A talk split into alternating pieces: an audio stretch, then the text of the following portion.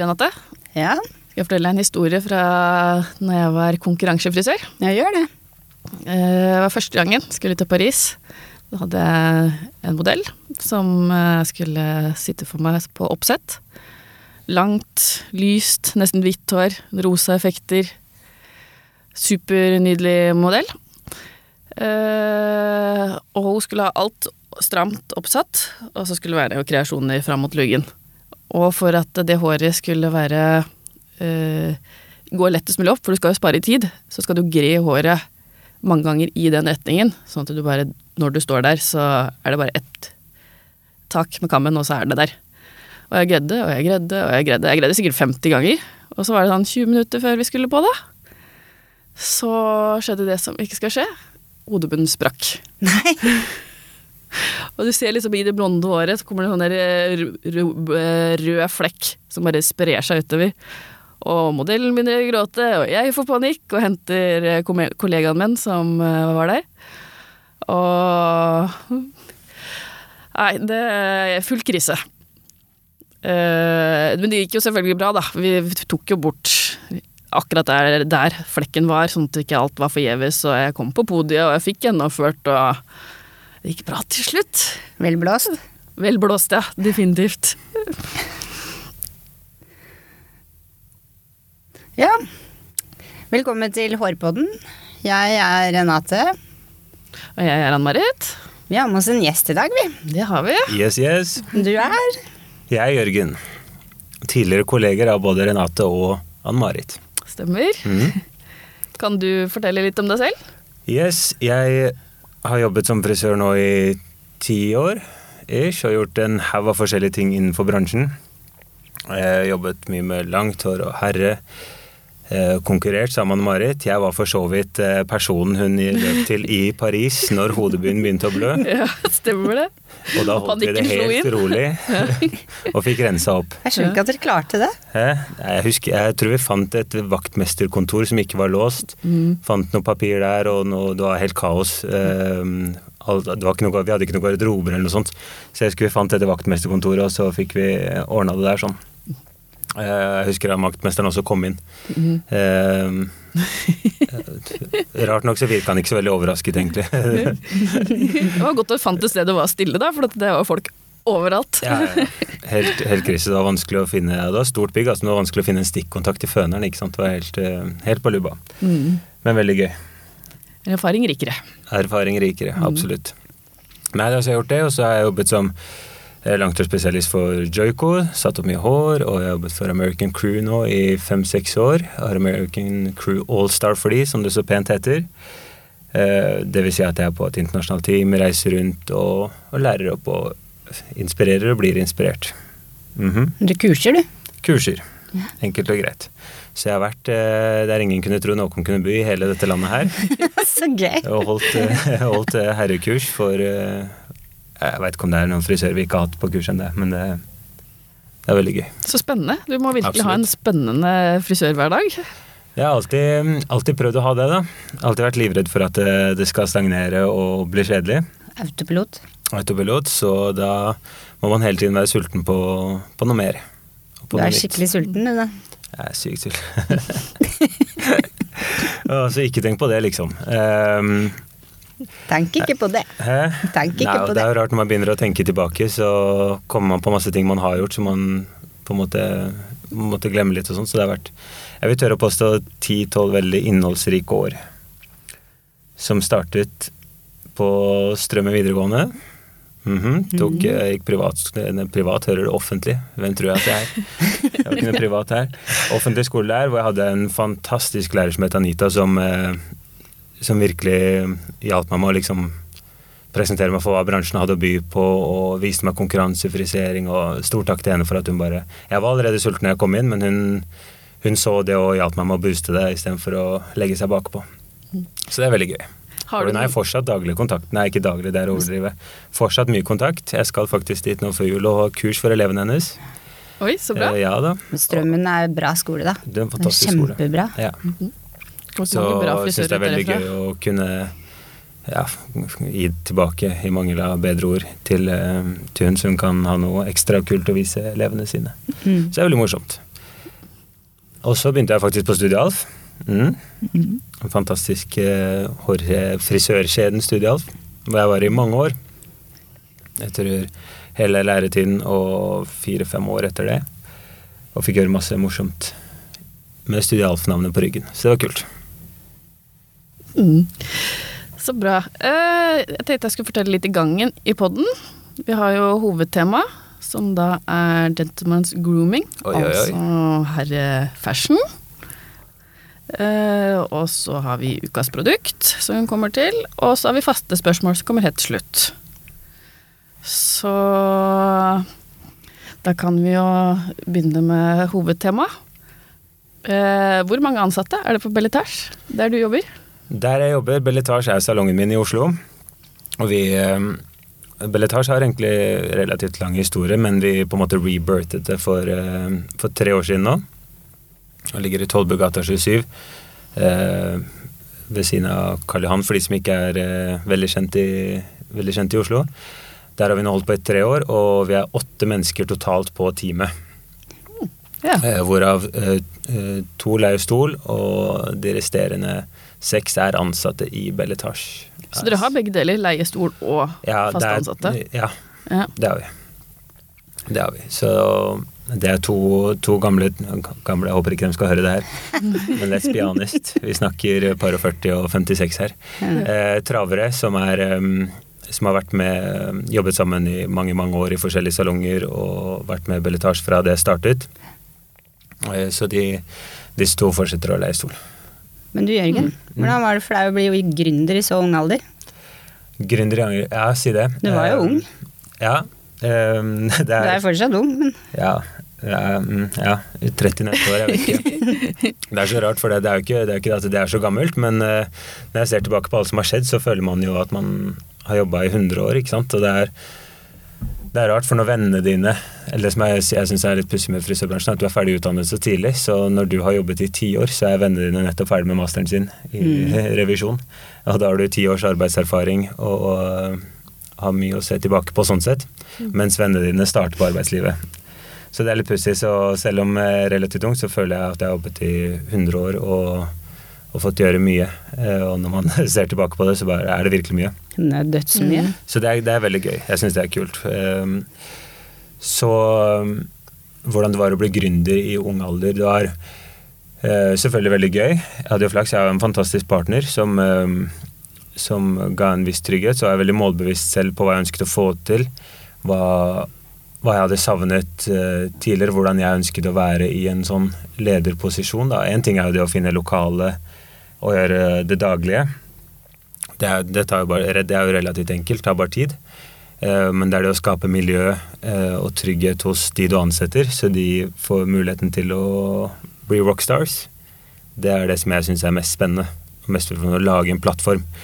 Um, og det, det syns jeg vi har fått til bra, og vi har en rekke frisører som også er ute og kurser og underviser og har show, eh, som er godt etterspurte frisører nå, og det syns jeg er veldig, veldig gøy. Jeg husker deg som veldig målbevisst. Når du satte deg et mål, så nådde du det, liksom. Ja, det er jo det, er jo det man kan ljuge om å si, men uh, sannheten er jo at man har jo selv om eh, jeg nå endelig har klart å få til en veldig, veldig fin og bra salong, så er det jo masse som ikke har gått i mål. Ikke sant? Det er jo eh, et par feilskjær og ting man drømte om som aldri ble noe av. Ting man var veldig nære på som bare Hvor du akkurat ikke fikk signert den ene kontrakten som gjorde at alt, eh, alt skjedde. Så masse som ikke har gått, men det er det å bare trekke seg tilbake, regroupe, tenke, finjustere og kjøre poenga til. Sette seg nye mål. Sette seg nye mål, tenke hvorfor gikk det ikke denne gangen, var det min skyld, var det noen andres skyld? Eh, og rett og slett bare kjøre poenga til. Hva er det du Og mest sannsynlig så får du det til slutt. hva er det du ser etter når du ansetter nye frisører? Ikke sant? Nå, det er jo veldig morsomt for de som ikke kjenner frisørbransjen veldig godt. Så er det, det er vanskelig å få tak i de gode frisørene. De vokser ikke på trær. Det er masse rare folk i den bransjen her, som i alle andre bransjer. Eh, og det er veldig mange salonger. Alle vennene mine og bekjente og kunder sånn sier herregud, det er så mange salonger i Oslo og i Norge generelt. Dra til Bergen, altså det er jo det er så mange salonger at du ikke tror det engang. Og det er jo litt interessant. For alle går rundt, eller veldig mange går rundt. Eh, hvor bra tall de har, det får vi aldri vite. Men eh, så er det selvfølgelig noen som, som legges ned. Men eh, poenget er at det alltid er stor etterspørsel etter dyktige frisører. Og jeg vet at mine folk kan banke på hvem som, hvilken som helst salongdør i morgen og få jobb. Så hva gjør jeg for at det ikke skal forsvinne, ikke sant. Mm. Ja, hva er hemmeligheten? Hæ? Du, det, det, er jeg ikke helt sikker på selv, men, men litt tilbake til det med at du må, du må se menneskene og, og, lage en plattform hvor de får muligheten til å utføre og oppnå sine mål og drømmer. Men, og det er litt samme som med, med kundeservice, f.eks. Det er veldig lett å skrive en bok hvor alle skal få kaffe før man klipper dit og datt, og man skal åpne døra og henge jakke og sånt. Det er fint, det er standard, det er basic. Men det å se hver enkelt kunde og vite hva de forskjellige trenger? Fordi Mats på 19 år forventer ikke og vil ikke ha den samme servicen som Gerd på 80. Nei. Det er to helt forskjellige ting. Så hvordan pleaser man begge? Da må man se individene, se hva de trenger, og jobbe deretter. Og det samme gjør jeg med frisørene mine ingen, de krever ikke det samme, de har ikke de samme forventningene. Noe er viktig for han, noen er ikke så viktig for henne, osv. Så, videre. så da må man se individene og så designe ut ifra det. Nå har jeg vært heldig og, øh, og ha, nå er jeg heldig og har en full salong. Vi har ikke utgangspunktet ikke plass til flere for øyeblikket. Um, så jeg har aldri trengt å på en måte sende ut en, en annonse hvor det står 'Vi søker frisør'. Og du har ikke det? Nei, det har jeg ikke gjort ennå.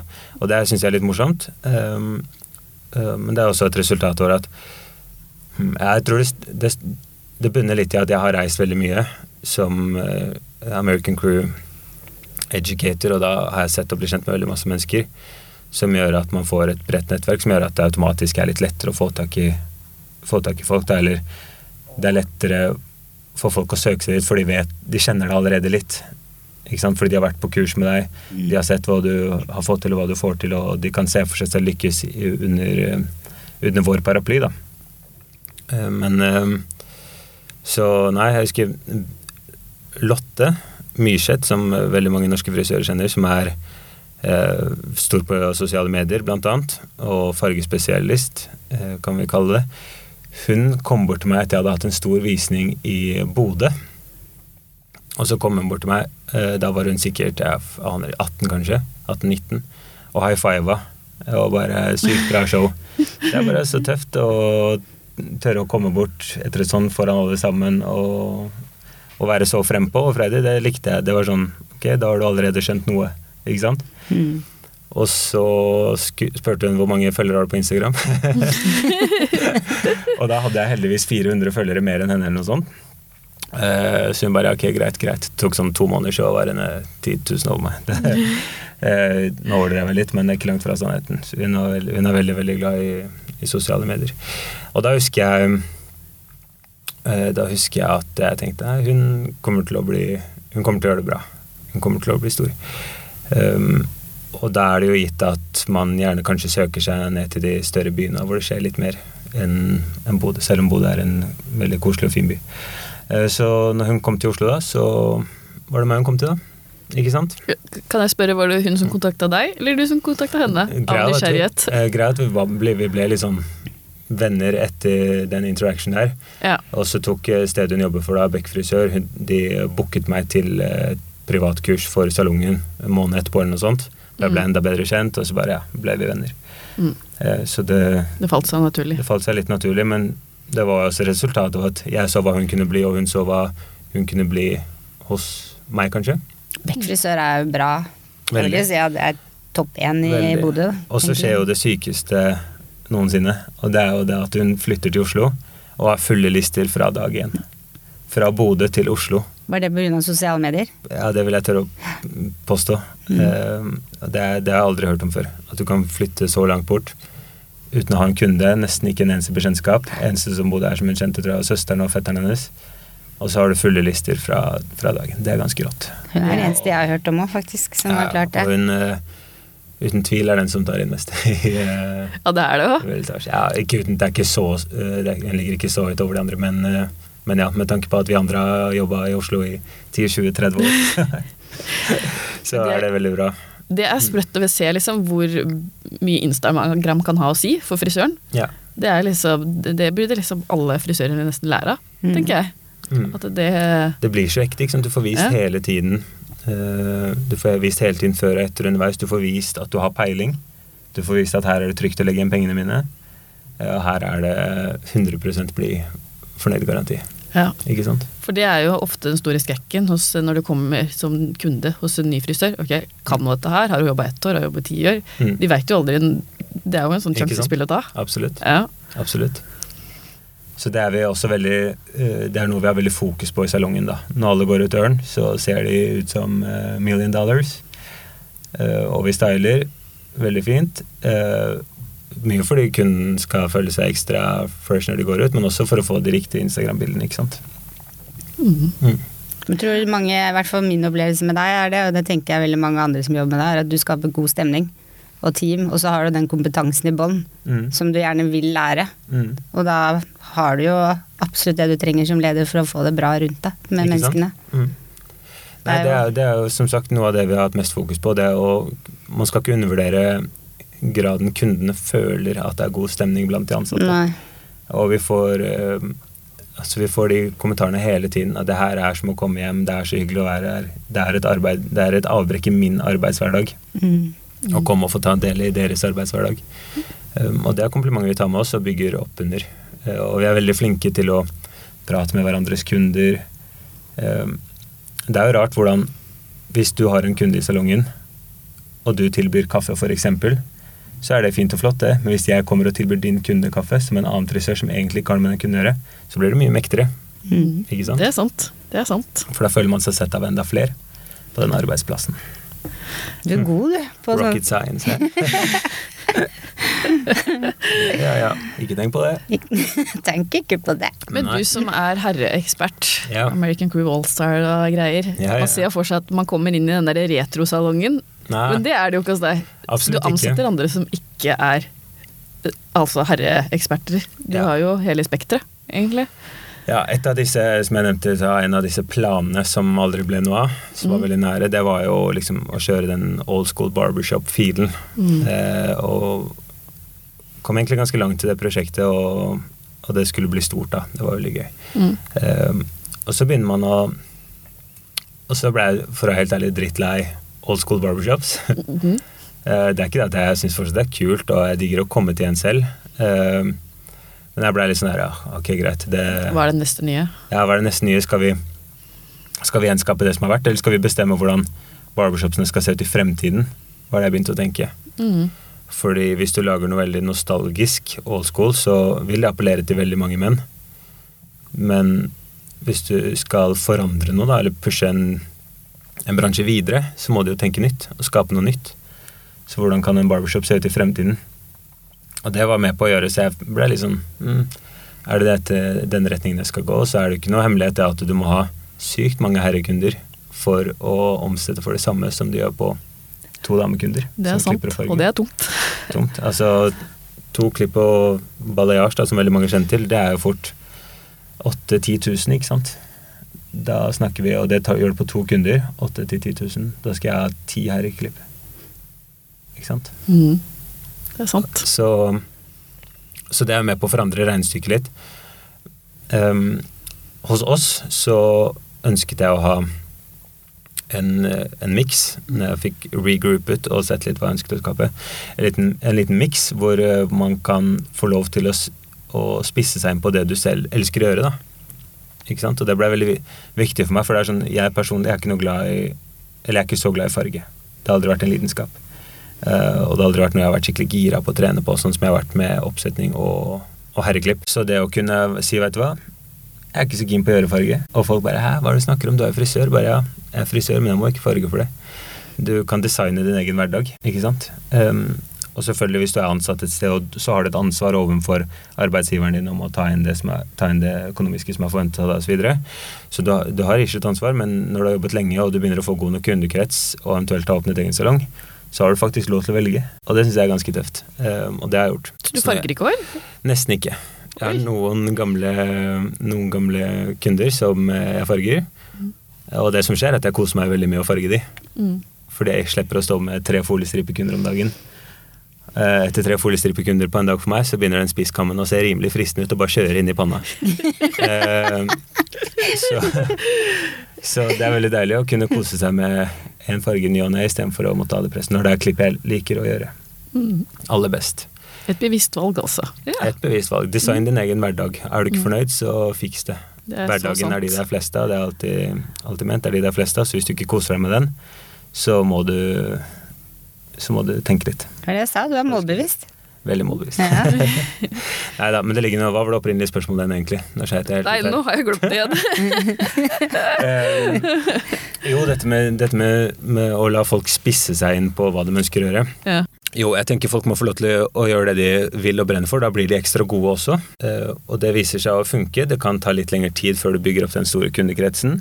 Det kan at du har et par år ekstra med dårlig lønn, for som de vet, fleste vet, så er eh, frisørlønnen provisjonsbasert. I hvert fall i de fleste byer. Så hvis du er villig til å ta de ofringene der, og har langtidsperspektiv, så kjør på. Gjør det du elsker. Men da kan du altså da ikke klage på på redusert økonomi eller mangel på kunder. Så er det, det er selvfølgelig stort, en stor utfordring for, for salongen òg, fordi salonger ønsker jo å omsette for så mye penger som mulig. Så hvis du har en frisør da som bare nei, jeg vil ikke gjøre det og det og det, så, så kan jo det være litt eh, negativt. Eh, og det kan jo vise litt dårlig karakter også kanskje fra den frisøren. Den burde strekke seg for å yte maks for salongen, og det er sånn Nå har jeg jobbet i 10-12 år, og først nå har jeg valgt å begynne å fokusere mer på ære. Så det er ikke det at jeg ikke gjorde farge før i tiden. Og jeg tok min del og omsatte det jeg skulle osv. Så, videre. så man må kunne forsvare det. Men jeg må le. Jeg husker tilbake da jeg var, eh, jeg var sikkert 20 eller noe sånt. Da var alt jeg tenkte på, var å bli god. Og trene og trene trene og bli så god som mulig. Og jeg tenkte ikke så mye på penger. Um, og da husker jeg satt i personalsamtale med Helen, uh, som er da sjef i Grensen. Og jeg ba- bare ja, Vi hadde personalsamtale, og det var alltid veldig hyggelig. Og så sa hun bare omsetningen din, så jeg bare ja, men det er ikke så, jeg er ikke så opptatt av å ta inn penger nå, nå skal jeg bare trene og bli skikkelig god. og jeg bare å, fy faen. Og jeg kan se for meg frustrasjonen hennes da. Bare, ja, men vi prøver liksom å drive en bedrift her, skjønner du. Så um, hvis du bare hadde giddet å tatt inn litt mer spenn, så hadde jeg vært fornøyd. Uh, shit, ass. Jeg tenker at jeg sa det. Uh, men hun aksepterte det på en måte. og det gikk jo Fikk lov å trene fortsatt. ja, det var ikke det at du ikke trengte å trene, det var bare det å bli litt mer bevisst på omsetningen din. Um, hadde noen sagt det til meg nå, så hadde jeg vel sikkert ledd og holdt kjeft, siden jeg selv sa det. Men uh, det er jo morsomt, da. Herregud. Men det kan jeg egentlig kjenne igjen selv òg, for jeg også har drevet øvd masse opp gjennom åra. Og det er først nå de siste åra, som jeg også har jo vært prøvd meg på så er daglig leder, Mm. har tenkt liksom ok, hvordan skal man ha smarte lister, og hvordan kan man gjøre bedriften enda bedre. Jeg tenkte ikke på det når jeg ikke holdt på med det selv. Ja, nei. Da var jeg så fokusert på hva jeg holdt på med. Ja, du får Du får en helt ny forståelse og respekt for Ja, daglig leder og sjefer osv. osv. når du har prøvd det selv. For det er et helt annet, uh, en helt annen ballgame. Mm. Enkelt og greit. Ja, Mm. rett og slett. Men åssen gikk du fra å være ekspert på langt hår til herrer? Hva skjedde der? Ikke sant? Nå kommer vi til det poenget hvor jeg ikke kan være ærlig. og, jeg må, og jeg må lyve. For sannheten er at du skal aldri la sannheten stå i veien for en god historie.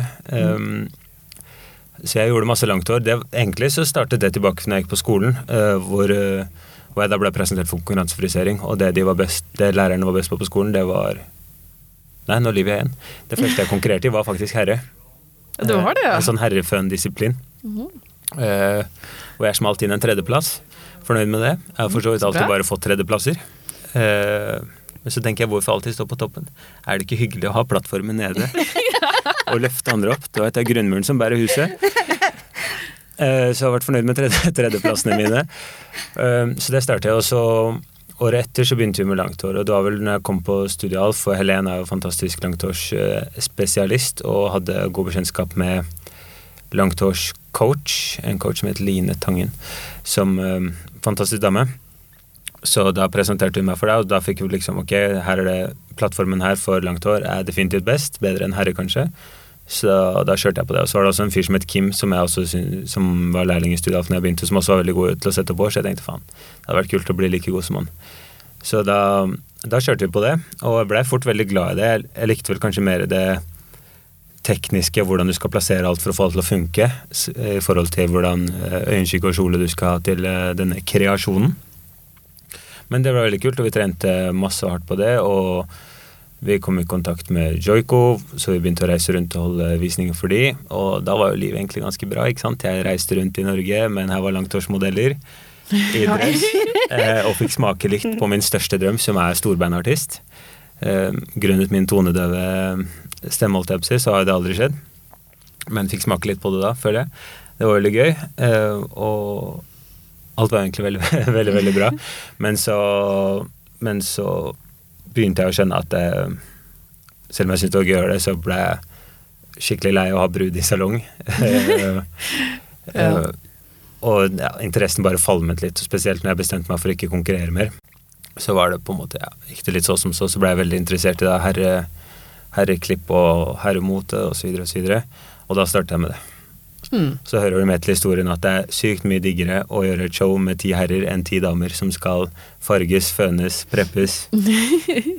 For å si det sånn. Masse å ta hensyn til. Masse å ta hensyn til. Så når vi kommer på et sted hvor vi skal gjøre visning, og eventuelt hvis det er noen andre merker der, så ser vi bare på modellene, plukker ut de kuleste kara med, med mest attitude, og så klipper vi de, og så er vi ferdig.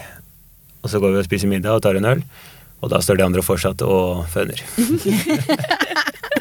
Igjen, design, design den hverdagen du har lyst Tough på. life. ja, ikke sant? Nei, så, så sånn, sånn ble det. Men du Jørgen, hvordan er dagens mann? Er han mer forfengelig i dag enn det han var for noen år tilbake? Ja, ikke sant? Det store spørsmålet. Jeg tror egentlig ikke det. Jeg tror eh, Når du ser tilbake Herregud, ja, ser du tilbake langt tilbake i historien, så er det jo, har de aldri vært mer jollete. Da snakker vi jo parykker og pudder i ansiktet osv. Å ja, den, den tiden. Hvis vi går helt tilbake, så jeg vil tro man har egentlig alltid vært relativt bevisst. Men du har selvfølgelig alltid Du kan jo alltid dele de to, ikke sant. De som er forfengelige og bryr seg, og de som ikke bryr seg. Og det har det alltid vært i alle ti år, tenker jeg. Så nei, jeg vil ikke si det, egentlig. Jeg tror mannen alltid har vært eh, Alltid har vært bevisst. Jeg synes det er flott at det er ekstra fokus på menn, faktisk. Ja, absolutt. Og herremoter og sånn. Ja. Og det ser vi jo det siste med når Barbie-trenden kom osv. videre og så videre. Det som skjedde da, det var utrolig flott, det var jo at eh, selv om selv om eh, majoriteten av menn fortsatt går til unisex-salonger, så har unisex-salongene blitt mye mer bevisste på at hei, vi har faktisk en ganske stor del av kundemassen vår som er menn. Så vi burde kanskje justere og designe sjappa litt annerledes, så de skal kose seg ekstra mye her. Ja, det er mange kule sånne sjapper rundt omkring i landet. Absolutt. er barbershops, så Mm. det skal sies at det, den nisja der, den funker. Ja, den funker, og Ja. den uh, virker som den har kommet, kommet for å bli i en, i en stor grad. Eh, så får vi se, da. Hva fremtiden bringer. Mm. Føler du at eh, den der hipsterskjegget fortsatt er eh, Jeg føler at etter som, sommerens hetebølge så ble det mye borte. Er det bare meg, eller? Nei, altså dette med at alle skulle ha så mye skjegg, eh, det føler jeg var et, liksom, et direkte resultat av, av barber-trenden. Eh, og alle som hadde muligheten til å få det da, skulle ha det. Og nå føler jeg vi er i en Nå har vi gått over i en fase hvor de som alltid har hatt det, fortsatt har det, og de som bare skulle sjekke at de kunne ha det, de har nå justert det ned, Yes. tenker jeg. Mm. Men ikke sant, skjegg har jo alltid vært klassisk. Så det er, sånn, det er nesten feil å kalle det trend. Det er som damenes bob, da. Ikke sant? Ja, og greit, boben pika veldig når Victoria Beckham gjorde det for uh, åtte år siden, men det har alltid vært klassisk, det har alltid vært fint. Mm. Uh, og sånn føler jeg det er med, med menn med litt skjegg og kort gradering òg. Det har alltid vært fint. Mm. Mm. Jeg må spørre, du, som har, du har sikkert vest, mange herrekunder. Mm. Uh, hvor mange prosent er det som tar farge av dine herrekunder? Oh, Har du det? ekstremt få. Det er det. Ja, ekstremt Ja. få. Det er um, Men det handler litt om hva frisøren liker selv òg. Jeg er ikke noe fan av det. Nei, ja, noe det var deg, ja. Ikke sant? Jeg er Ja. ikke noe fan av å farge grå menn brune eller mørke. Nei. For jeg syns menn skal ha grått hår, og jeg syns det er barskt og tøft. Mm. Um, akkurat som ja, Der vil jeg jo si at menn er litt heldigere enn damer. Der trekker vi det lengste strået. Sleng på en rynke og noen grå hår på mann, så ser han bare mer eh, badass og Det er veldig sant. Ja. Ja, mens damer føler veldig på det motsatte, kanskje. At jeg har ikke mer aldrende på damer enn det er på menn. Herregud, det finnes jo selvfølgelig unntak. Det er masse kule damer med grått hår, misforstå meg rett. Jeg fikk to veldig stygge blikk fra begge, begge damene her nå, så jeg valgte å slenge på den på slutten der. Jeg bare tenker American Crew har jo så fin sånn eh, farge for menn som du tar i vasken, som bare virker i tre til fem minutter. Ja, Den syns jeg er ganske fin, selv om de skal være grå. ja det Eller som er hvis fint de vil ha den, det at kalde, at du bare skummer den opp, og så Mm, den Det blir ikke sånn heldekkende. Det blir ikke Nei. sånn derre Det blir ikke så skummelt for mannen å farge det. Nei. Nei, Mm. absolutt, og, det, og den funker veldig bra. Og den, som eh, Renate sier, den, den kamuflerer bare. Den tar deg ikke tilbake til da du var 20, Nei. men den tar deg et par år tilbake. Eh, og så er det ikke fresh, men mann med ettervekst. Altså hvis du har fire centimeter langt hår hvor to av de er ettervekst, så ser du rar ut. Og så ser du ofte mer kunstig ut på Ja. enn på damer. Ja, og det er jeg ikke fan av. Det, det vi gjør litt av, det er Sunkist Sunkissed eh, California highlights, på en måte. I litt lengder og sånt. Det har vi blitt såpass gode på å gjøre nå at vi klarer å få det til å se veldig naturlig ut. Så det er det alltid litt av om, eh, om våren. Men ikke mye permanent farge. Enkelt og greit. Men du er jo en American Allstar. Ja. Det husker jeg du blei, faktisk. Det er ganske stort. Ja, det er litt morsomt. Det er ikke mange i verden som er det. Nei, jeg tror vi er 40 nå. Ja, Mm. Og du er den eneste i Norge? eller Nei, det er meg og Tom, Tom, og Olaf Furuseth som er eh, partneren min i American Crew Ja. i Norge. Så vi, Partners in Crime, reiser rundt og underviser og inspirerer. Herlig type. Kan ikke du fortelle hva det er? Hva American Crew All-Star er? Mm. Jo, det er rett og slett eh, American Crew er den første, si den første eh, store, ordentlige herreserien for menn.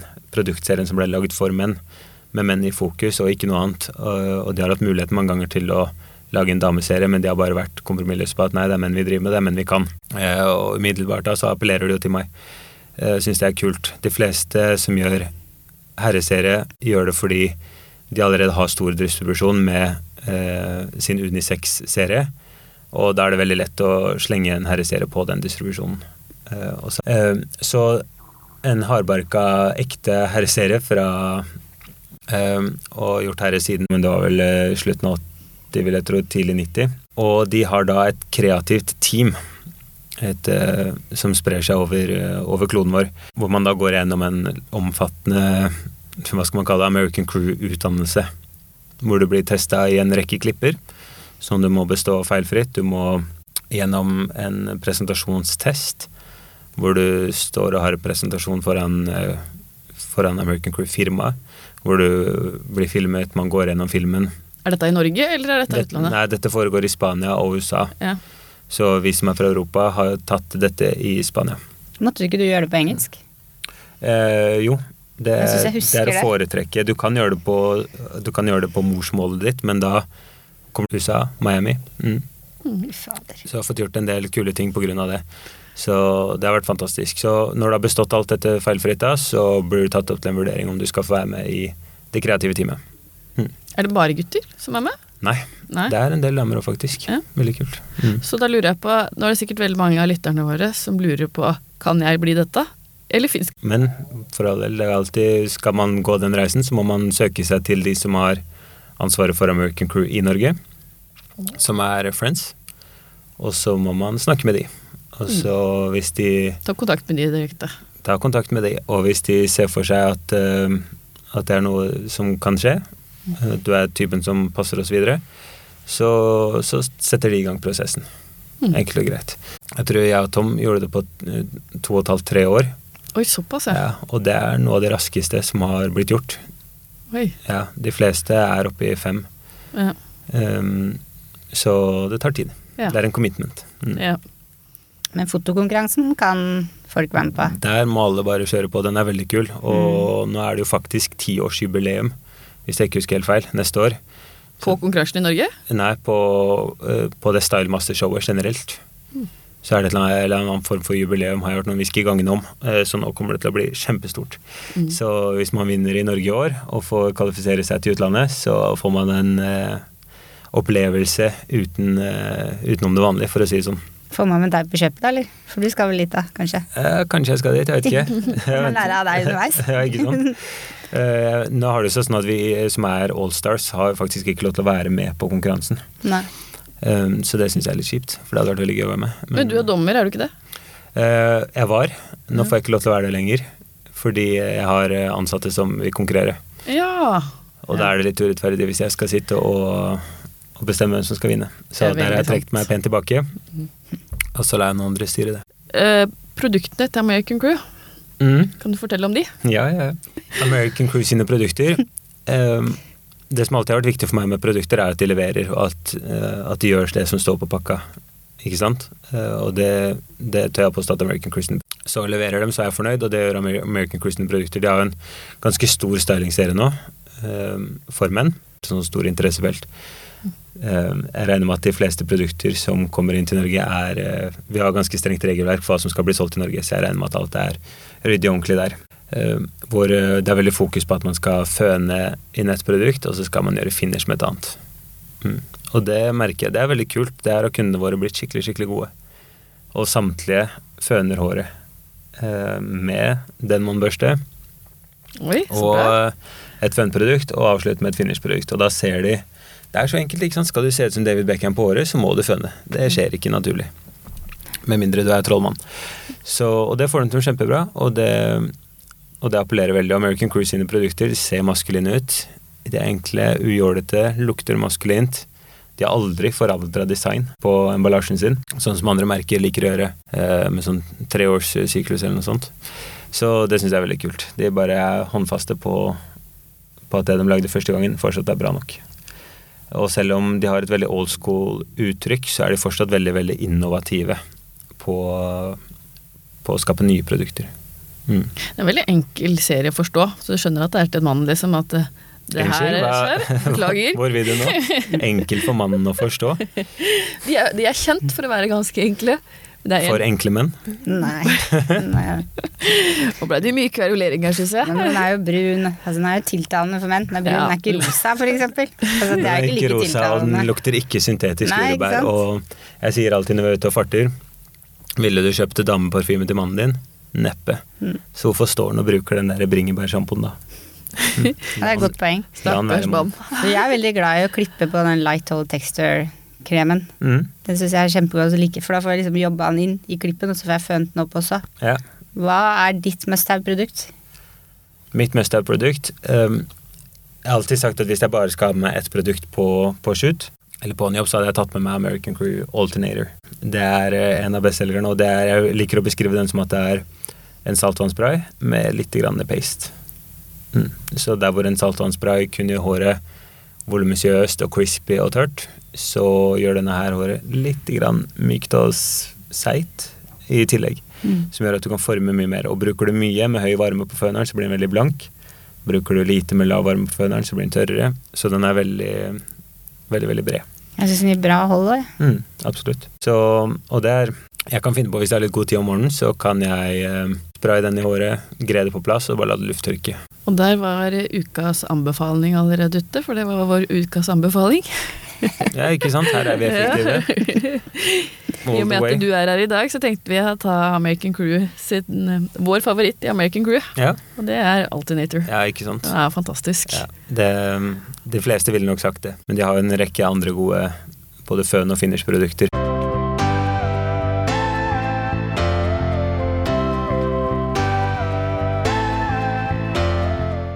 Store Instagram. Mm. Herregud. Instagram um, Det er jo så mange nå å følge, og det syns jeg er ganske, det er ganske bra. Det er kult. Jeg husker når vi, når vi starta, så var det jo hva, hva skulle du følge? Hvor skulle du få inspirasjon? Jeg husker jeg spilte inn opplæringsvideoer på DVD for et firma. Stemmer det, jeg var med på det der. Det heter, Ja. Ja. Ja, og det satt vi på skolen og sånt og så på også, husker jeg. Så det var sånn vi delte da. Så alle unge lyttere som eh, sitter der ute, dere er så heldige nå at dere aner ikke. Dere kan få kurser av de beste frisørene i verden på YouTube gratis. Det er ganske rått. Eh, Når det gjelder Instagram, så syns jeg Kevin Lushman er eh, fantastisk. En britisk frisør som har Men husk at han starta karrieren sin i Tonninga, jobba der i mange, mange år, vinne, vunnet um, uh, British Men's Hairdresser of the Year, eller hva den heter uh, en rekke ganger og er helt, helt, helt rå. Han er også fotograf som tar alle bildene sine selv, som jeg også syns er tøft. Eh, og så må jeg si, hvis vi skal trekke fram en norsk eh, person å følge på Instagram, så vil jeg tørre å påstå at eh, Jørgen Beck, mm, eh, min kjære Jørgen Beck som jobber, eh, jobber hos oss, er helt fantastisk. Han er et talent på herre som, eh, som jeg tror jeg nesten ikke har sett maken til. Ja, veldig flink. Han har en formsans og en sans for tekstur som er helt unik, og han er irriterende detaljfokusert. Eh, Han beveger seg som en skilpadde. Men eh, gidder du å sitte en time i stolen der, så går det ut som en eh, rockstar. Og det kommer til å se helt fantastisk ut. Og han legger ut mye kult. Mm, Så han vil jeg absolutt følge. man, nei, man blir ikke lat etter hvert. Det er viktig å holde seg, holde seg fresh. Um, jeg står opp. Skomakerens barn og sånt. Man blir jo Og så tar jeg meg en dusj. Og så spiser jeg frokost. Jeg har fortsatt ikke fiksa håret enda. Litt til det. Mm. Og så tar jeg et eller annet fun-produkt som jeg bare lar tørke inn i håret. Og så setter jeg meg på motorsykkelen min, kjører ned til Sats. Og så trener jeg, og så fikser jeg håret der. Og der ser man ute at de begynner å ha fokus på menn, for nå har de faktisk fått seg en fønerekke. Er det sant? Ja, ja. Så Fire, fire fønere på rekke og rad med bord foran, så du kan sette peisen din. Og da syns jeg det alltid er kult å sette American Crew-peisen min ved siden av han som står ved siden av med en sånn eh, drittprodukt. Define. Du sa det. Ikke sant? For når han kom med den lille rosa skiten sin da, og jeg setter den høye American Crew-flaska ved siden av, så har vi allerede bestemt hvem som er mest mann. ikke sant? Nemlig. Det er han med American Crew-flaska. Og så føner jeg året der, og så stikker jeg på sjappa og tar første kunde rundt halv tolv. Og det er every day. Det er mer eller mindre Så skal ikke jeg skryte på meg at jeg trener hver dag, det blir jo litt jålete. Men veldig, veldig, en stor del av uka. Ja. Hva er det beste med å være frisør? Eh, Jeg vil tørre å påstå at det beste med å være frisør, det er eh, menneske. Det er eh, relativt avslappende når du Ja, det er kanskje ikke mange som kjenner seg Jeg har en veldig avslappende frisør hver dag. Det tror jeg de fleste i salongen min også vil tørre å påstå at de har. Liksom setter seg av gode timer med kundene, koser seg, tar det de skal ha betalt. Um, det er mye latter og, og spøking, som jeg syns er rått. Du får bli kjent med masse forskjellige mennesker og får bryna deg på masse forskjellige mennesker, som jeg syns er veldig interessant. Og så er det litt klisjé, men det er uendelige muligheter i forhold til hvor langt du kan ta det. Eh, Du kan stå og jobbe 94 med kunder og være happy med det. Eh, Du kan bli educator, du kan bli stylist, du kan bli lærer. Du kan bli du, Ja, du kan gjøre masse. Frisørbransjen er litt kjent for å ha eh, mye gjennomtrekk. Det vil si at man Jeg vet ikke hva gjennomsnittsfrisøren på alderen på en frisør er, 27 eller noe sånt. ja, det er ikke Ja, og jeg tror mye av grunnen til det er at det, det er ikke bare det at det er dårlige skuldre der ute, men jeg tror mye er at man blir litt lei. At det blir ensformig, og så er man ikke sulten eller flink nok til å sette seg opp, se seg rundt og ok, hva annet er det jeg kan gjøre innenfor denne bransjen. Mm. Eh, og så omskolerer vi oss, og så finner vi på noe annet.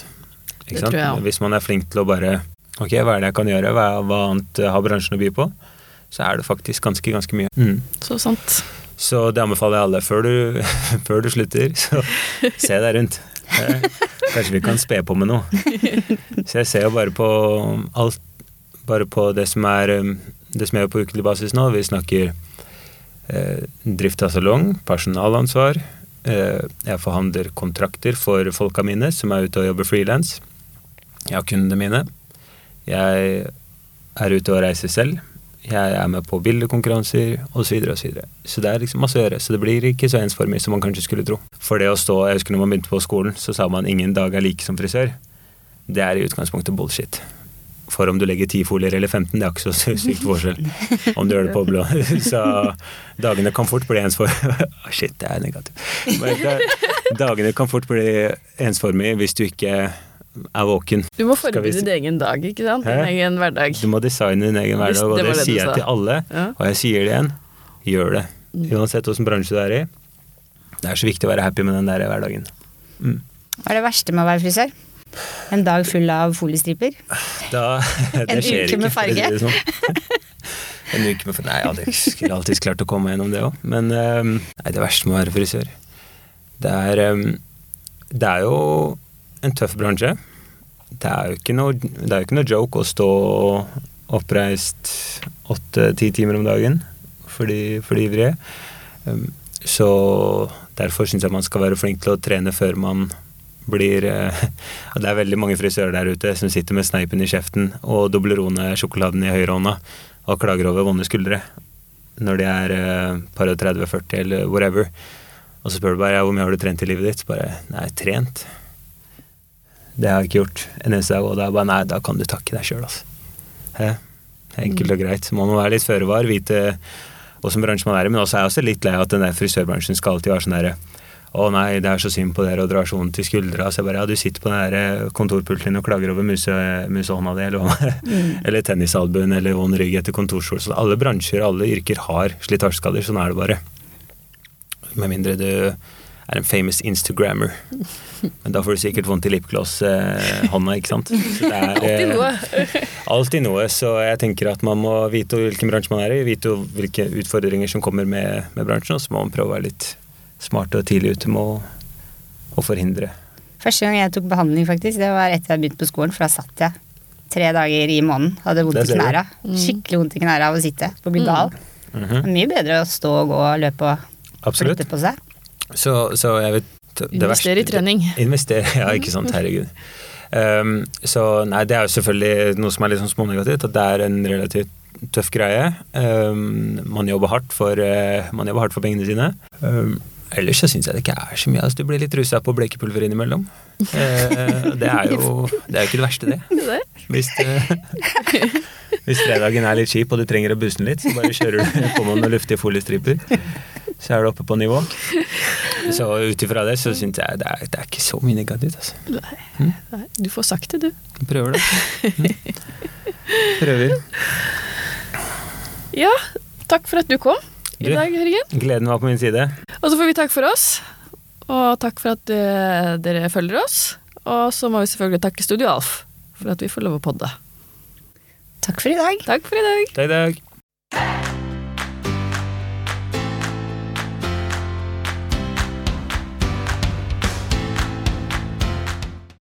Har du et enkeltpersonforetak eller en liten bedrift? Da er du sikkert lei av å høre meg snakke om hvor enkelt det er med kvitteringer og bilag i fiken, så vi eh, gir oss her, vi. Fordi vi liker enkelt. Fiken superenkelt regnskap.